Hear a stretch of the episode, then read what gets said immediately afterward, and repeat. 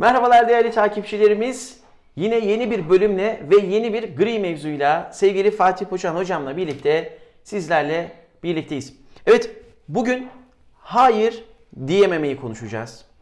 Hayır diyememek aslında e, günümüzde insanların yaşadığı en ciddi problemlerden bir tanesi. Hocam ben bir de kadim kültürümüzden de etkilen, etkilenme olduğunu inanıyorum. Yani aman başkaları üzülmesin, aman o üzülmesin, Çok o iyi olsun deyip e, biz o kadim kültürden de beslenerek e, kendimizi hatta kendi yaşantımızı e, bir şekilde e, tercih etme durumuna geliyoruz. Evet. Bunu gençlerde de görüyoruz. E, bunu orta yaşlılarda da görüyoruz. Biraz yaş oranı arttığı andan itibaren insanların aynı zamanda da hayır demeye başladıklarını hı hı. görüyoruz. Ve ben soruyorum diyorum ki eğitimlerde ya da işte koşuk seanslarında ne oldu da hayır demeye başladınız? Hayat bana çok şey öğretti. Evet. Duvara toslama. Ee, duvara toslama, burnum sürtüldü. Artık fark ettim. Artık kendi yaşantımı tercih etmeye karar verdim. Ama bu çıktıların sebebi öncesinde yaşanan onlarca belki hayır diyememekten kaynaklanan sorunlar. O yüzden Fatih Hocam e, ilk önce istersen sohbete şöyle başlayalım. Hayır diyememek e, nedir? Hı hı. Bu nereden beslenir? E, senin bununla ilgili düşüncelerin nelerdir? Hocam çarpıcı bir hikayeyle istersen konuya giriş yapayım Harika ben. olur. Ee, yıl 1776 hocam. Çok eskiye gittik ama. ee, Amerika'nın hani hep bahsedilen kurucu babaları var ya. Evet. Bir e, bağımsızlık bildirgesi yayınlamışlar. Bu bağımsızlık bildirgesine göre hı hı. Amerika Birleşik Devletleri'nde yaşayan herkes mutlak surette eşit. Amerika'nın ilk yasa yapıcıları ve aynı zamanda kurucu babaları ve aynı zamanda sırasıyla Amerikan başkanı olan Washington, Jefferson ve Madison hı hı. bağımsızlık bildirgesinde kendi yazdıkları bağımsızlık bildirgesinde herkesin eşit olduğunu söylemiş olmalarına rağmen köle beslemişler. Hatta Jefferson'ın 600 tane kölesi varmış hocam. Yeah. Ee, bizim kuşak e, Amerika Birleşik Devletleri'ndeki Anglo-Saksonların Afro-Amerikalılara veya diğer renkli ırklara nasıl davrandığını e, Arthur Haley'nin Kökler dizisinden, kitabından çekilen Kökler dizisinden bilir. Ee, bugün bunu merak eden gençlere de şeyi önerebilirim ben. Leonardo DiCaprio'nun Zincirsiz filmini mutlaka izleyin. Bir başyapıt hem zincirsiz. Evet, hem e, senaryosu hem filmografisi çok muhteşem bir filmdir. DiCaprio da çok çok güzel oynamış. Gençlerin e, zencilere yapılan o zulmü, o haksızlığı, o eşitsizliği e, çok affedersiniz o hayvan yerine konma hadisesini o filmden göreceklerini zannediyorum ben. Amerika bağımsızlık bildirgesinden sonraki bir yüzyıl kölelikte yaşamış. Ee, sene 1865 olmuş. Bakmışlar bu böyle gitmiyor. İnsanlar çok huzursuz, çok mutsuz. Ee, anayasayla köleliği kaldırmış Amerika. 1865 yılında kölelik resmen kalkmış. Fakat köleler açısından değişen hiçbir şey olmamış. Çok enteresan ya. Ta ki 1955 yılına gelinceye kadar. Zenciler ikinci sınıf vatandaş bile değil. Beyazlarla aynı lokantada yemek yiyemiyor, aynı taksiye binemiyor, Otobüse aynı, binemiyorlar. aynı tiyatroya gidemiyor, aynı otelde kalamıyor, aynı otobüse binemiyor. Yıl 1955 Montgomery'de genç bir siyahi kadın kendine ayrılan kapıdan otobüse biniyor. Kendine ayrılan bölüme oturuyor. Only Colored yazan bölüme oturuyor derken yolculuk başlıyor. Birkaç durak sonra bir beyaz erkek biniyor otobüse kendi kapısından. Özel bölüme bakıyor yer kalmamış. Gözüne e, Rosa hmm, Parks'ı kestiriyor ve diyor ki kalk buradan. Hayır diyor. Hayır. Şoför Ya. bir anda hiddetle geriye dönüyor. Harika ya. Harika. evet. Şoför geriye dönüyor. Arabayı hızlıca sağa çekiyor. El frenini çekiyor. Geliyor kalkacaksın diyor. Kalkmayacağım diyor. Hayır. Bütün beyazlar kadının üzerine çullanıyorlar. Karga tulumba tartaklayarak aşağı atıyorlar. Yetinmiyorlar. Polise teslim ediyorlar. Mahkemesi çok kısa sürede görülüyor ve bir yıl hapis yatıyor. Bir beyaza kendi yerini vermediği için. İnanılmaz bir şey. İnanılmaz bir şey. Peki arkasından bir şeyler tetiklenmiyor mu? Tabii ki. Oraya geleceğim. Şimdi o hapse girer girmez tüm zenciler e, bir karar alıyor. Diyor ki biz diyor bundan sonra otobüslere binmeyeceğiz. Ve hepsi yürümeye başlıyor. Bu tam bir sene sürüyor. Bir sene sonra bakıyorlar olacak gibi değil. Müthiş bir zenci kaynaması var aşağıda. Rosa'yı serbest bırakıyorlar. Daha sonra bu e, yöresel direniş kitlesel bir direnişe dönüyor. Martin Luther King'le Benim bir hayalim var. ete kemiğe bürünüyor bu. Bir bedene bürünüyor. Ta ki 1964 yılına kadar hocam. 1964 yılında e, tüm zencilerin işte özellikle güney eyaletlerindeki biraz önce söylemiş olduğum ikinci sınıf vatandaşlıkları efendime söyleyeyim otobüse binememe beyazlarla aynı lokantaya girememe gibi tüm zencilerin maruz kaldığı o kötü gidişe bir dur diyor Amerikan devleti, insanlığı vesairesi. 1996 yılında Rosa e, başkanlık hürriyet madalyası alıyor. 1999 yılında kongre altın madalyasını bizzat Bill Clinton'ın elinden alıyor ve aynı yıl Time dergisi 20. yüzyılın insan hakları savunucusu seçiyor Rosa'yı. Şimdi ben dönüp burada sevgili dostlarımıza, arkadaşlarımıza şunu soracağım. Acaba herhangi birimiz hayatımızda Rosa kadar çok zor durumda kalıp hatta belki hapsedilme pahasına, Ya hatta belki değil, değil mi? canından olma pahasına hayır demek zorunda kaldık mı? Veya kalacak mıyız önümüzdeki günlerde? Hayatımız aslında Rozan'inkine ve benzerlerine göre çok basit gidiyor. Yani bizim hayır diyeceğimiz şeyler aslında çok da yaşamsal şeyler değil. Ama hayır diyemediğimiz için maalesef yaşamımız yaşamsal sektelere uğruyor. Ee, şimdi biz günlük yaşantıda ortalama bir insan bazı şeyler hayır diyemeyebiliyoruz. Çok normal. Benim de başıma geliyor hocam. Senin de başına geliyor. Bazen e, o kadar hassas bir anına geliyordur ki çocuğun senden bir şey istiyordur. Aslında ya çikolata yememesi lazım. Sağlığına zararlı işte diyorsun ama o çocuğun sevimliliği karşısında hayır diyemiyorsun. Eşini kıramıyorsun, anneni babanı kıramıyorsun. Bu aslında hayatın gerçeği. Biraz önce söylediğin gibi kadim kültürden de getiriyoruz bunu. Vakit kalırsa ilerleyen bölümlerde onu da konuşabiliriz. Ama bu bir yaşam modeli, bu bir iş modeli haline geliyorsa, ben hiç kimseyi kıramıyorsam, ben hiç kimseyi kıramadığım için beni suistimal eden arkadaşlıkları bitiremiyorsam, ben anne ve babamı kıramadığım için, onlara hayır diyemediğim için, istemediğim bir bölümde, istemediğim bir üniversitede okuyorsam, ben çocuğuma hayır diyemediğim için özellikle bugünün modern anne babasına sesleniyorum. Çocuğumun kölesi oluyorsam, ben hayır diyemediğim için iş yerindeki bütün yükü sırtıma yükleniyorsam burada ters giden bir şeyler var hocam. Dolayısıyla bizim bu noktada e, aslında durup bir düşünmemiz lazım. Şimdi biz neden hayır diyemiyoruz? Hayır diyememizin, diyememizin altında aslında pek çok neden yatıyor. Bunlardan en önemlisi ve hepsini paranteze alabileceğimiz şey evet demek kolayımıza gidiyor. Evet de ve kurtul. Mücadele etme. Ne fiziksel ne zihni. O anda mücadele etme. Evet de kurtul diyoruz. Ama ondan sonra aslında çok ciddi bir mücadele başlıyor. Biz niye hayır diyemiyoruz? Birincisi inisiyatif alamıyoruz hocam. İnisiyatif alamadığımız için,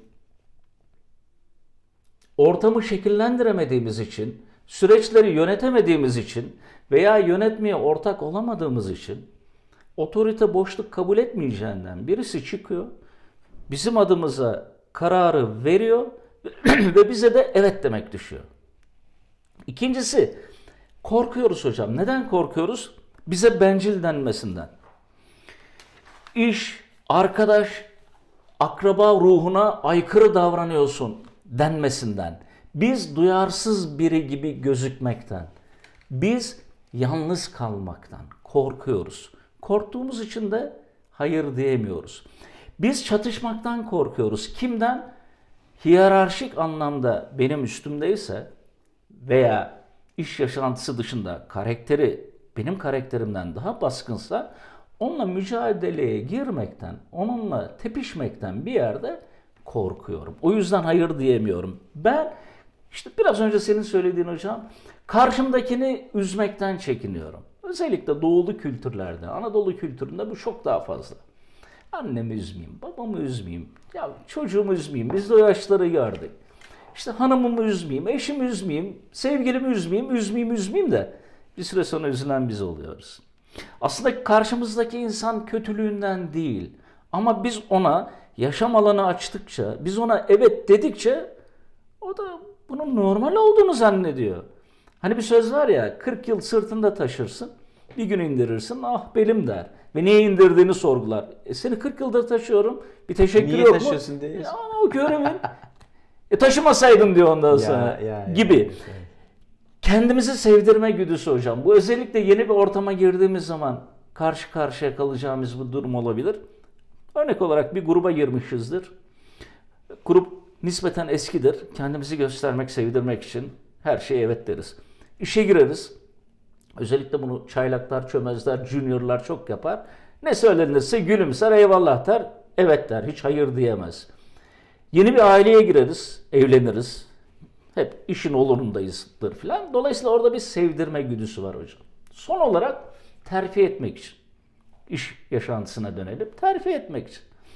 Eğer ben hayır dersem bana işte sorumluluk sahibi değil derler. Ya bu adam sorunlu mudur nedir derler. Bir daha fikrimi almazlar. Projelere dahil etmezler. En sonunda da beni terfi ettirmezler. Bu düşüncelerle ben e, maalesef evet diyorum her zaman. Hayır diyemiyorum.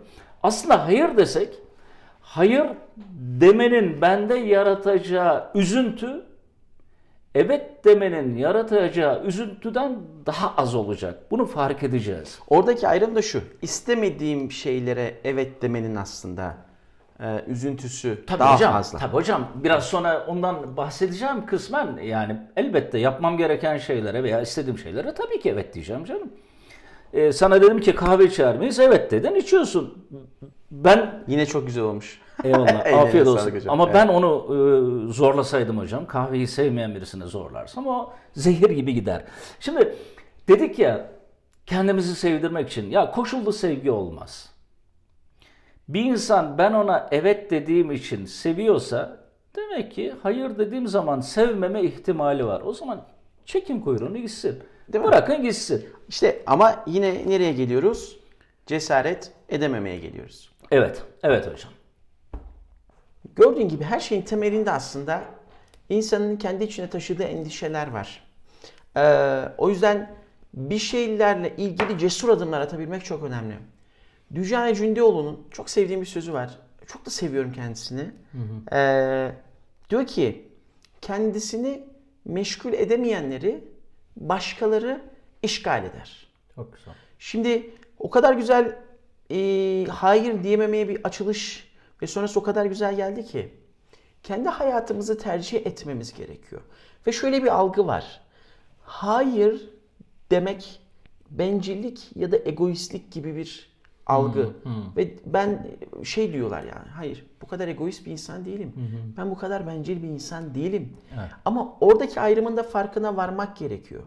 Hayır dediğinizde siz başkalarının yaşantısını tercih etmeyip kendi yaşantınızı tercih ediyorsunuz. Orada bir dur diyorsunuz. Yani hayır diyemeyen insanlar başkalarının hayatını yaşıyor. Peki ben bu dünyaya soru şu. Başkalarının hayatını mı yaşamaya geldim? Başkalarının benimle ilgili çizdiği e, hayatın içerisinde onların belirlediği görev ve rolleri mi üstlenmek için bu hayattayım? Bu sorguyu yaptığınız zaman alacağınız cevap çok nettir. Burada da bir hayır cevabı sizi bekliyor. O yüzden özellikle biz hayır derken insanın kişiliğine ya da karakterine değil, Çok güzel. benden talep ettiği şeye hayır dediğimi Evet. karşı tarafa iyi bir şekilde aktarabilmem gerekiyor. Çünkü orada da bir yanlış algı var. Evet. Hayır dedim, aa bana hayır dedi. Aa bak bana hayır. Kişi- Beni reddetti. Beni reddetti. İşte o bu ben duygusu. Hakikaten insana şeyde egoda konuştuk ya. Yani zarar veren o ilkel ben Evet. dediğimiz nokta oraya geliyor. Hayır, ben sana hayır demiyorum. Senin Seni benden seni reddetmiyorum. Senin benden istediğin şeyi Talebini. talebine hayır diyorum. Bunu yapabildikçe insan kendisini ve kendi hayatını tercih etmeyi çok güzel bir şekilde içselleştiriyor ve görüyor. O yüzden bu ayrımları da iyi fark Evet. edebilmemiz gerekiyor. Ee, bencillik ya da egoistlik dediğinizde hep ben ben ben ve her şeye hayır hayır hayır hayır değil. Doğru zamanda doğru şeylere doğru bir şekilde karşılık verebilmektir ve orada kendi hayatımızı tercih etmektir. Bunun ayrımını kesinlikle yapmamız gerekiyor diye düşünüyorum hocam. Eyvallah. Sen ne düşünüyorsun Eyvallah, bu konuyla eyvallah. ilgili? Ee, hocam Paula Coelho. Evet. Onun güzel bir sözü var. Başkalarına evet derken diyor. Belki de kendinize hayır diyorsunuz. Harika. Ben e, hayır derken seni reddetmiyorum, kişiliğini reddetmiyorum, seni yok saymıyorum. Ben talebine hayır, şu anda hayır diyorum. Talebine. Sana biraz sonra başka bir şey için evet diyebilirim. Kalbimi açabilirim, hayatımı vakfedebilirim sana. Hatta belki birkaç gün sonra bu talebe bile evet diyebilirim. Ama şu an benim için hayır. Bunu lütfen kişiselleştirme. Maalesef e, hani kadim kültürümüzden bahsettik ya. e, yani annelerimizden gelen, eşlerimizden gelen, büyüklerimizden gördüğümüz bu. Saçımızı süpürge etmek, hayatımızı vakfetmek, başkaları için yaşamak. Bir süre sonra bu öyle bir modele dönüşüyor ki patronun için yaşıyorsun, arkadaşın için yaşıyorsun. İşte çocukluğundan itibaren anne baban için sonra eşin için filan ben hayatımı ne zaman yaşayacağım? Nerede? Değil mi?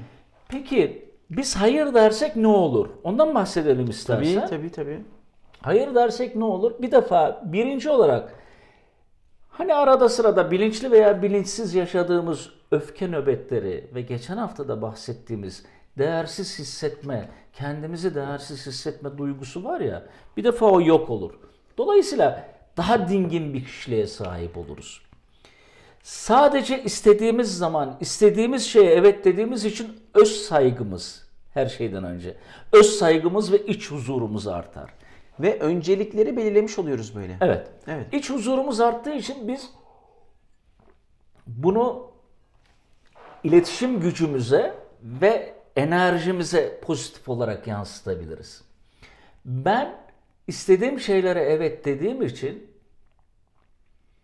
gerek sevdiklerime gerekse kendi işime daha fazla zaman ayırabilirim dolayısıyla benim verimliliğim artar. Ve son olarak kendime sürekli evet dedikten sonra kasmamdan dolayı meydana gelen kas ağrılarım ve hatta belki e, tükenmişlik sendromum, hatta belki depresyonum gittikçe azalacak, belki yok olacak. Dolayısıyla hayır demenin güzelliği, hayır demenin faydaları bunlar. Ee, yani hemen şimdi ben e, değerli dostlarımıza dönmek istiyorum. Burada iki seçeneğiniz var. Bir, ya evet demeye devam edeceksiniz ama başkalarının hayatını yaşayacaksınız. Ama sürekli yara alacaksınız. Ve bir gün ve bir gün o gün ne zaman gelecek bilmiyorum. Bazıları için hiç gelmiyor. Bazıları için başlangıçta söylediğin gibi ilerleyen yaşlarda geliyor ve bir gün ama fiziksel ama ruhsal ama ikisi birlikte çok müthiş bir tepki vereceksiniz. Ve bu belki size, belki çevrenize zarar verecek.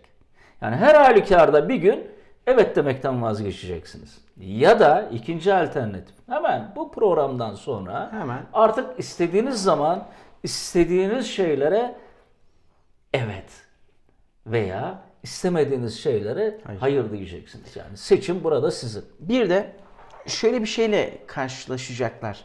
Hayır demeyi seçenler. Belli bir alışkanlık oluşturuyorlar ya insanların üzerinde. Ya e, ona ne söylersem o zaten kabul eder. Cepte. Evet. Evet. Bu bir insan için yine algı anlamında hakikaten olumsuz bir algı. Siz hayır demeye başladığınızda size diyecekler ki aa şuna bak. Bir haller var bunda. Şımarmaya başladı. Bir de siz özellikle kendi hayatınızda da değişiklikler varken hayır demeye başlıyorsanız aa görüyor musun bak iş, iş işte böyle Ha, yaptı. evet, evet, aa bak parayı görünce Evet. böyle yaptı. Evlendi İnsanlar öyle oldu, boşandı evlendi- böyle oldu, araba oldu böyle Aynen. oldu. Ne yapacak? İnsanlar sizi kendi çerçevelerindeki dünya görüşü içerisine sıkıştırmaya çalışacaklar. Ve böyle dirençle uğraş ilgileneceksiniz. Fakat insanın yine en güzel şeylerinden bir tanesi işte kırılma anı burada.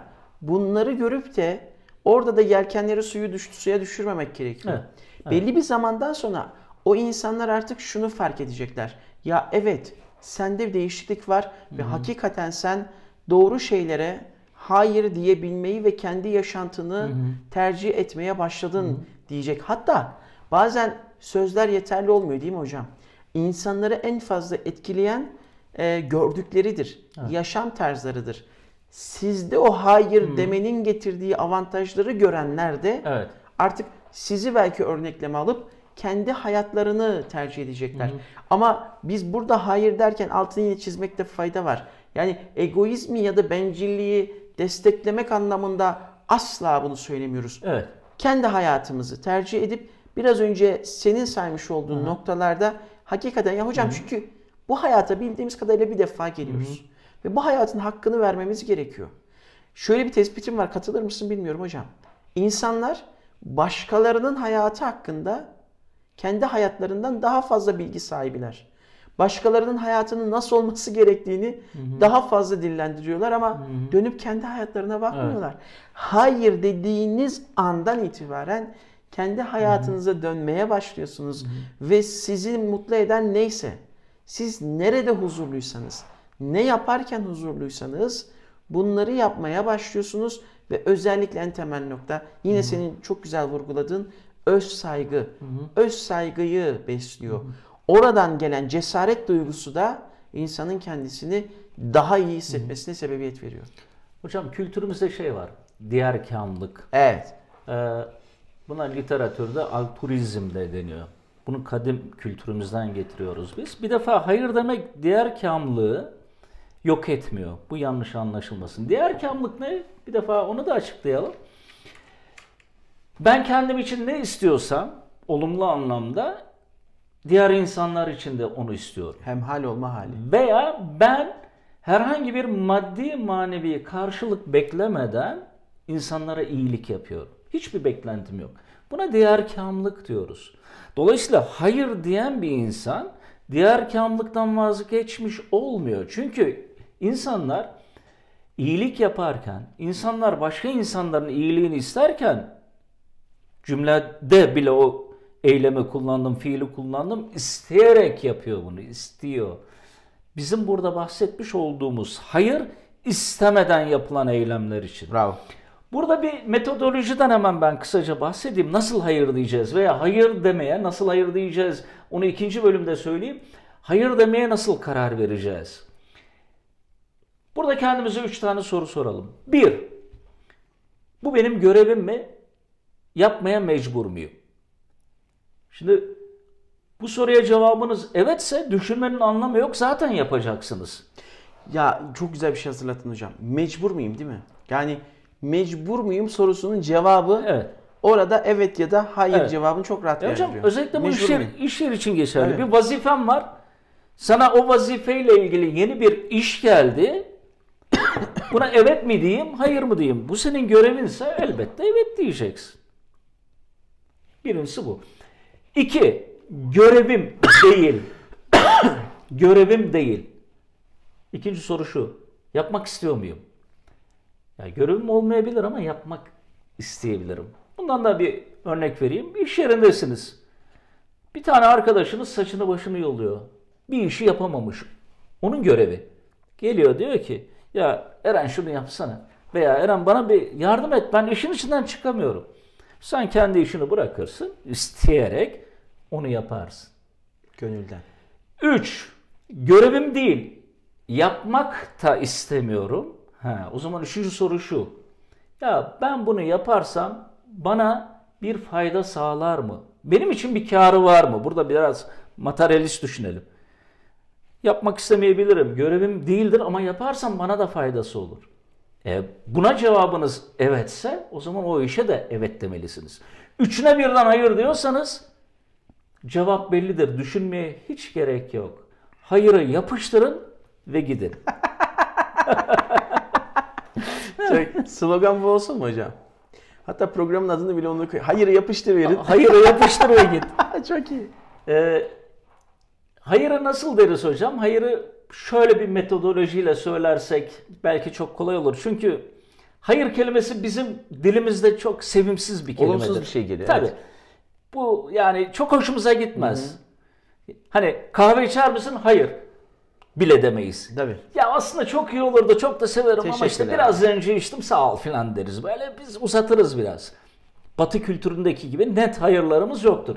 Dolayısıyla net hayır demeden nasıl yol almalıyız? Şöyle olabilir. Bir defa birincisi karşımızdakinin talebini çok iyi anlamamız lazım. Empatiyle dinlememiz lazım.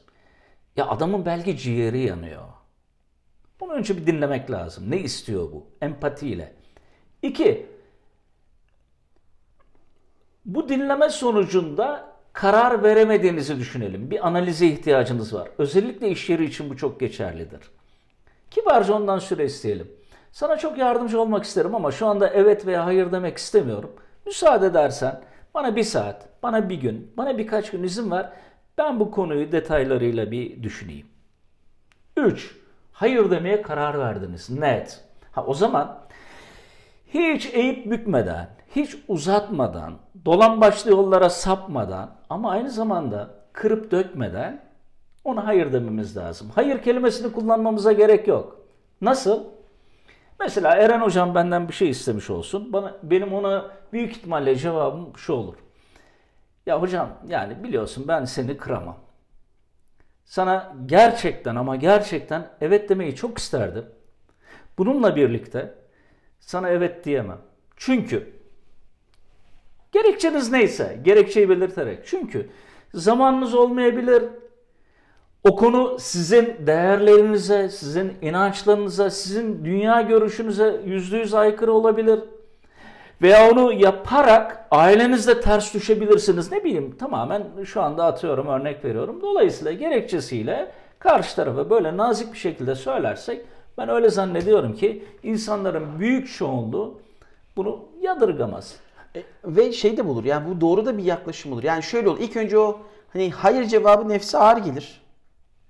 Ama sonra e, şunu değerlendirmesini yapar karşı taraf. Ya hakikaten samimi yapabileceği bir şey varsa demek ki yapardı. Aksini düşünenlerle zaten hani dedin ya Evet, evet, evet, evet. aksini düşünenlerle zaten ne yapmak gerekiyor? Bağı kopartmak Hocam gerekiyor. şartlı sevenler, şartlı sayanlar gitsin. Evet, evet. Ben hayır diyerek bir süre sonra yanımdaki insanlar nezdinde saygınlığımı da arttıracağım. Niye bu adam ne Kesinlikle. istediğini bilen, ne istediğini söyleyen, gerektiğinde evet yani. Gerektiğinde hayır diyen bir insan. Bir insan. Tabi burada şu soru geldi ben biliyorum. Ya kardeşim sen güzel bunları söylüyorsun da karşında Eren Hocan yok ki. Hadi gel bunu bizim patrona söyle. İş yerinde, evet. Yöneticiye söyle. Hadi nasıl hayır diyeceksin? Onun da yöntemi var. Bunu çok kullandım ben. Onun da yöntemi var. Şimdi normal koşullarda biz ne yaparız? İki hal tarzı vardır. Bir, böyle hafiften acı acı sırıtarak peki efendim tamam müdürüm tamam ben yaparım müdürüm falan deriz böyle. Ondan sonra içimize oturur. Nasıl yapacağız? Müdür gittikten sonra 3 Nasıl- gün boyunca, 3 ay boyunca konuşuruz. Allah kahretsin bütün işi bana verdi aralarım falan. İki, gayet ciddi bir şekilde kaşlarımızda biraz çatarak burnumuzdan kıl aldırmadan ya müdürüm yani başka adam mı yok her şeyi ben mi yapacağım diyor. Zaten elimde bir sürü iş var. Ya bir de bu falan böyle sevimsiz bir taraflara gider.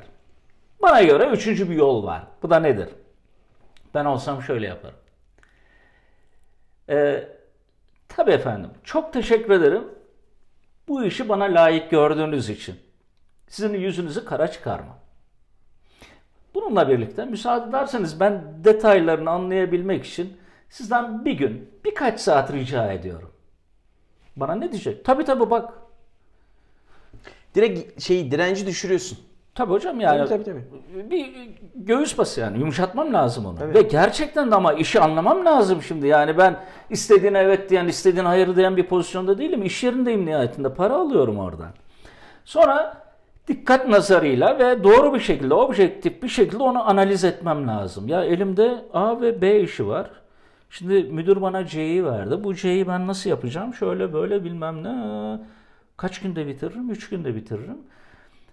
Müdür bana ne dedi? İşte iki buçuk üç gün sonra alayım dedi. E elimdeki işler kalacak. Hmm, durum belli. Öncelikler devreye giriyor. Sonra tekrar müdürün yanına giderim. Derim ki müdürüm ben vermiş olduğunuz C vazifesini araştırdım. Şu şu modelleri, şu şu yöntemleri kullanarak 3 günde hallederim bunu. Şimdi önce bir onu rahatlatayım. Ben bunu yaparım. Beni layık gördüğünüz için tekrar teşekkür ederim. Bununla birlikte elimde A ve B işleri var. Dolayısıyla benim üçünü birden yapmam mümkün değil. Dolayısıyla ya AB kalacak ya C kalacak. Uygun görürseniz A veya B'yi veya C'yi bir başka arkadaşa yönlendireyim ben. Sizin söylemiş olduğunuz şu şu işleri yapayım. Şimdi bu soru bana gelse ben hemen şu yorumu yaparım. Ya adama vazifeyi verdik. Adam çalışmış bakmış Ha, değerlendirmiş. reddetmedi. Hatta teşekkür etti bana. Gitti analiz etti. Ya söyledikleri de mantıklı. Evet hakikaten yetişmez yani bu. Ha o zaman doğru ya. Ya ben bunu ona vermeyeyim ya da bu konuyu C'yi özellikle onun yapmasını istiyorum ama A ve B'yi alayım onu başkasına vereyim. Arkadaşlar 100 tane yöneticiyle çalışın. Bakın 95 tanesi sizin bu analizinde, analizinizden sonra diyecektir ki haklısın. Şu işi şuna verelim. Peki o 5 tanesi için. E hocam ona yapacak bir şey yok.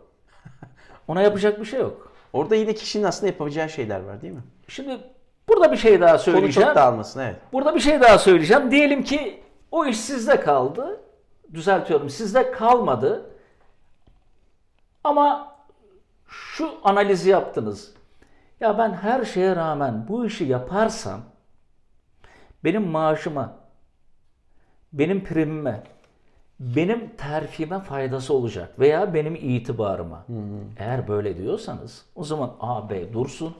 Siz bu C'yi de kısa süreli ailenizden, mesainizden vesairenizden fedakarlık yaparak gerekirse uykusuz kalarak yapın. Tabii bu Alışkanlık haline gelmesin Ha, ama bu. Tabii bu bütün kariyer boyunca böyle olmaz. Ne diyorum size fayda sağlayacaksa. Çünkü iş yaşamı yoğun yani kamuda da öyle, özelde de öyle. Öyle ben sabah 8'de gideyim, akşam 5'te geleyim.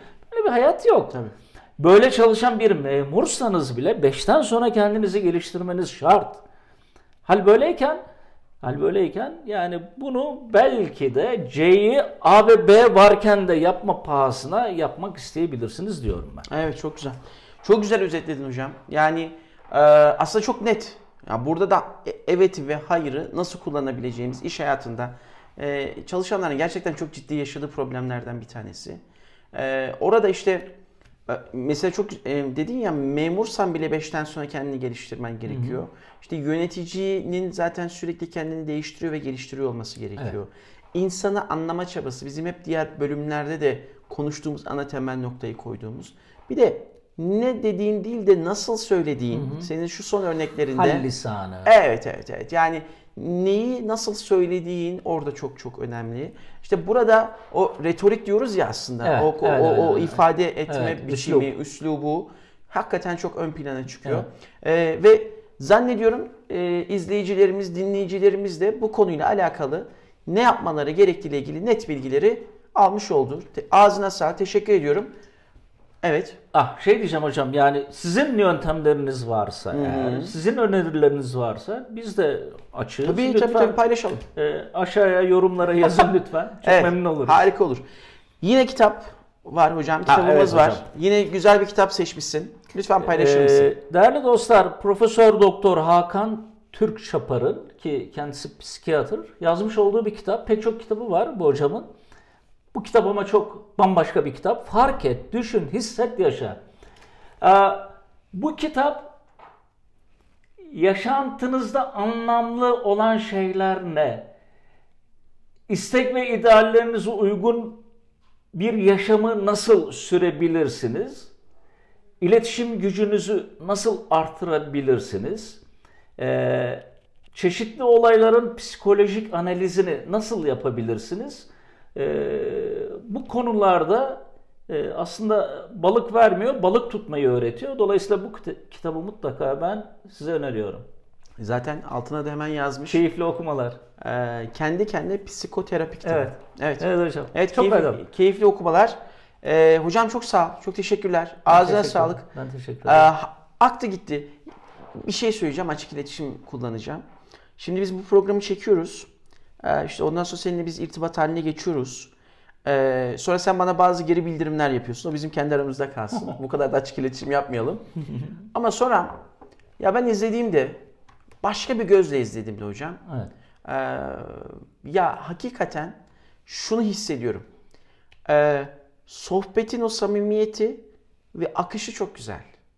Ee, Bunu sağladığın için ve katkı sağladığın için ben çok teşekkür ediyorum. Ben teşekkür Ee, ederim. Evet. aynı zamanda e, hakikaten e, güzel bir kitlemiz oluşmaya başladı. Harika sahipleniyorlar. Evet, evet. Güzel paylaşımlar yapıyorlar. O yüzden bizi her hafta eksiksiz takip eden, fikirlerini paylaşan, yorumlarını Evet. paylaşan, e, bu anlamda katma değer sağlayan herkese de yine çok teşekkür etmek istiyorum. Ee, önümüzdeki hafta konumuzu şimdiden söyleyelim mi? Konumuz belli. Ama sürpriz mi olsun? Sürpriz olsun. Sürpriz olsun. Tamam. Önümüzdeki hafta yine gri bir konuyu konuşacağız. Ama hakikaten eee, üzerine konuşulması gereken gri bir mevzu. Evet. Haftaya buluşuncaya kadar hepinize önce sağlıklı, sonra huzurlu, sevgiyle dolu bir hafta geçirmenizi diliyoruz. Görüşmek üzere. Hoşçakalın.